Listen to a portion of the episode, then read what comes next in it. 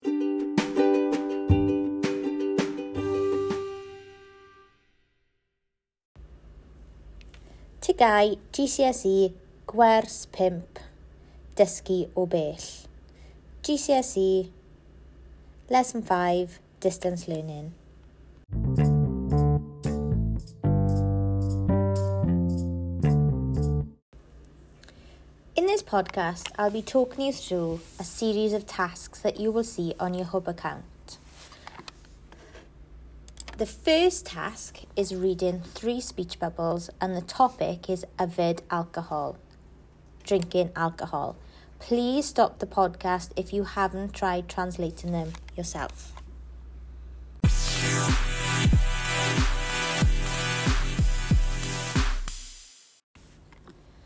The first speech bubble, darn a, is a person called Heine, and this is their opinion on avid alcohol. Dwi ddim yn hoffi alcohol. I don't like alcohol. Ych a fi. Disgusting. Mae e'n ofnadwy. It's awful. Mae yfed alcohol fel yfed vinegar.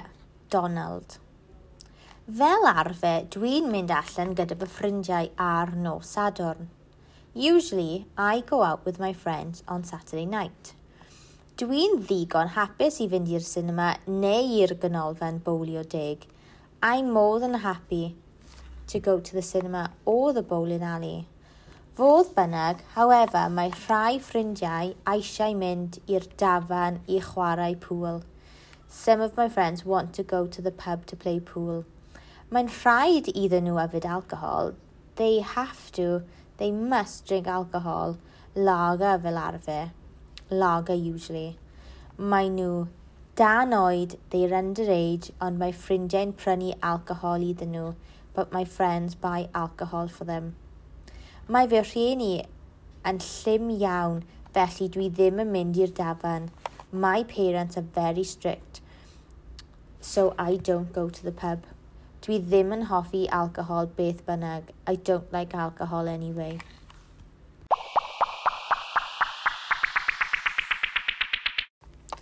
So you've read through the speech bubbles and you translated what you can. Then you've listened to the translations and I've talked you through the Welsh and the, the three speech bubbles, so Heini, Mair and Donald. Now it's time to answer the questions on the next page.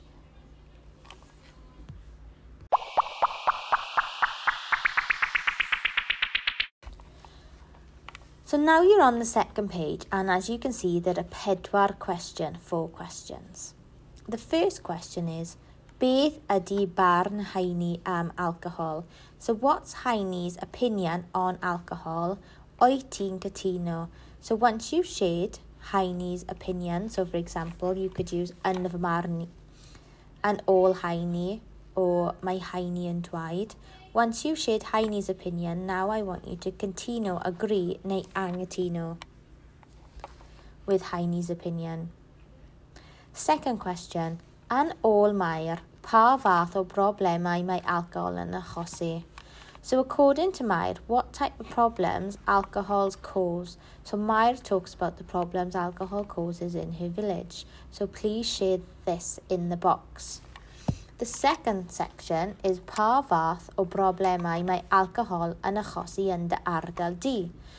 So what type of problems does alcohol cause in your area? Don't forget you can make the boxes bigger. You don't have to stick to the size they are on the page. The third question, beth mae Donald yn hoffi gwneud gyda'i ffrindiau? So what does Donald like doing with his friends? Oet ti'n gytuno? Do you agree? Don't forget, Donald talks about himself having strict parents and that he doesn't like drinking alcohol anyway, but his friends do. So maybe you can talk about what you enjoy doing with your friends, but what your friends do that maybe you don't necessarily enjoy. Question: pedwar. Beth oed hoffi gwneud gyda dy ffrindiau? So what do you like doing with your friends? Now this question needs past tense, it needs opinion, it needs idioms, so don't forget all these questions need detail. Pob luck.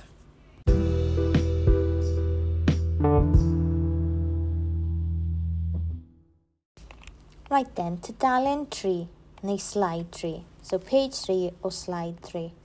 You have two topics that I want you to talk about. The first one is verfrindiau and is asking you to write about three things. So poi ydyn who are they? So you could talk about ages, hair colour, where they live. Beth ydych chi'n wneud? What do you do? And pam ydych chi'n ei hoffi nhw? So why do you like them? So talking about their characteristics and maybe an example in the past tense of when they've been a good friend. The second section is i teledu, television programs. is asking you, rhaglenni teledu dwi ddim yn hoffi, pam? So you're focusing on what you don't like and why. Don't forget to provide reasons for your opinion, past tense to back up your opinion as well. Poor block.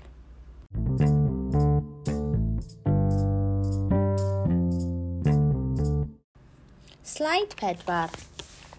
darling pedwar. So slide 4, page 4.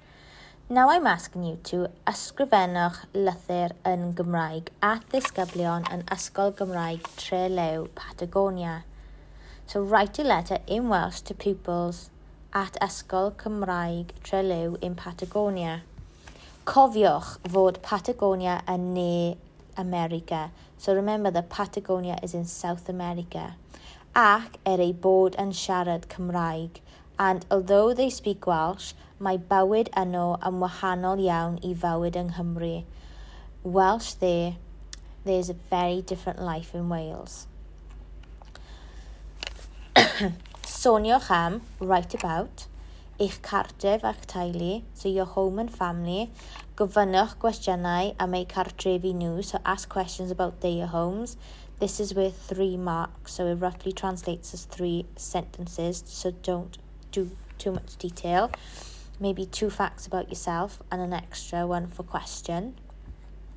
Eich ysgol your school, eich hoff ca, um, a chas, gwaith goreddau o pynciau, so your favourite activities or, or subjects, and the ones that you hate. Gofynnwch am eu hysgol nhw, so don't forget to ask about their school. Oriau ysgol, school hours, don't forget that I think their school times are a lot different because it gets hot in the afternoon. Gwyliau, holidays, gwersi, lessons, dillad ysgol, school uniform, etc. This is with five marks, so you're looking at five sentences. The final one, pen wythnos arbennig rydych chi wedi cael yn ddiweddar. So this is past tense. It's the weekend, a special weekend that you've had recently. What did you do? Where did you go? Who did you see? why the weekend was special. This is with seven marks, so I'm expecting to see the past tense.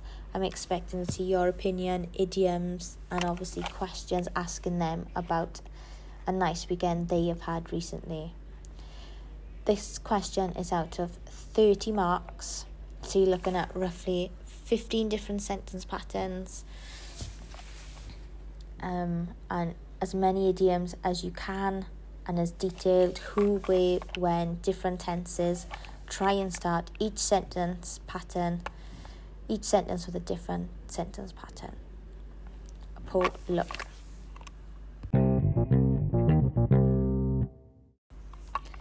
So you've come to the end of the podcast. Just to summarize, you have different sections. The first section is where you read the speech bubbles, translate yourself, and then answer the questions. The second section is where you discuss the two topics. Please add detail and as many different sentence patterns and idioms as you can. The final one, I'm looking for detail, I'm looking for variation of tenses and idioms, so please use the colourful help sheet and the vocabulary booklet to help you. Please message me with any help, and most importantly, avoid using any translation websites. Hope, luck.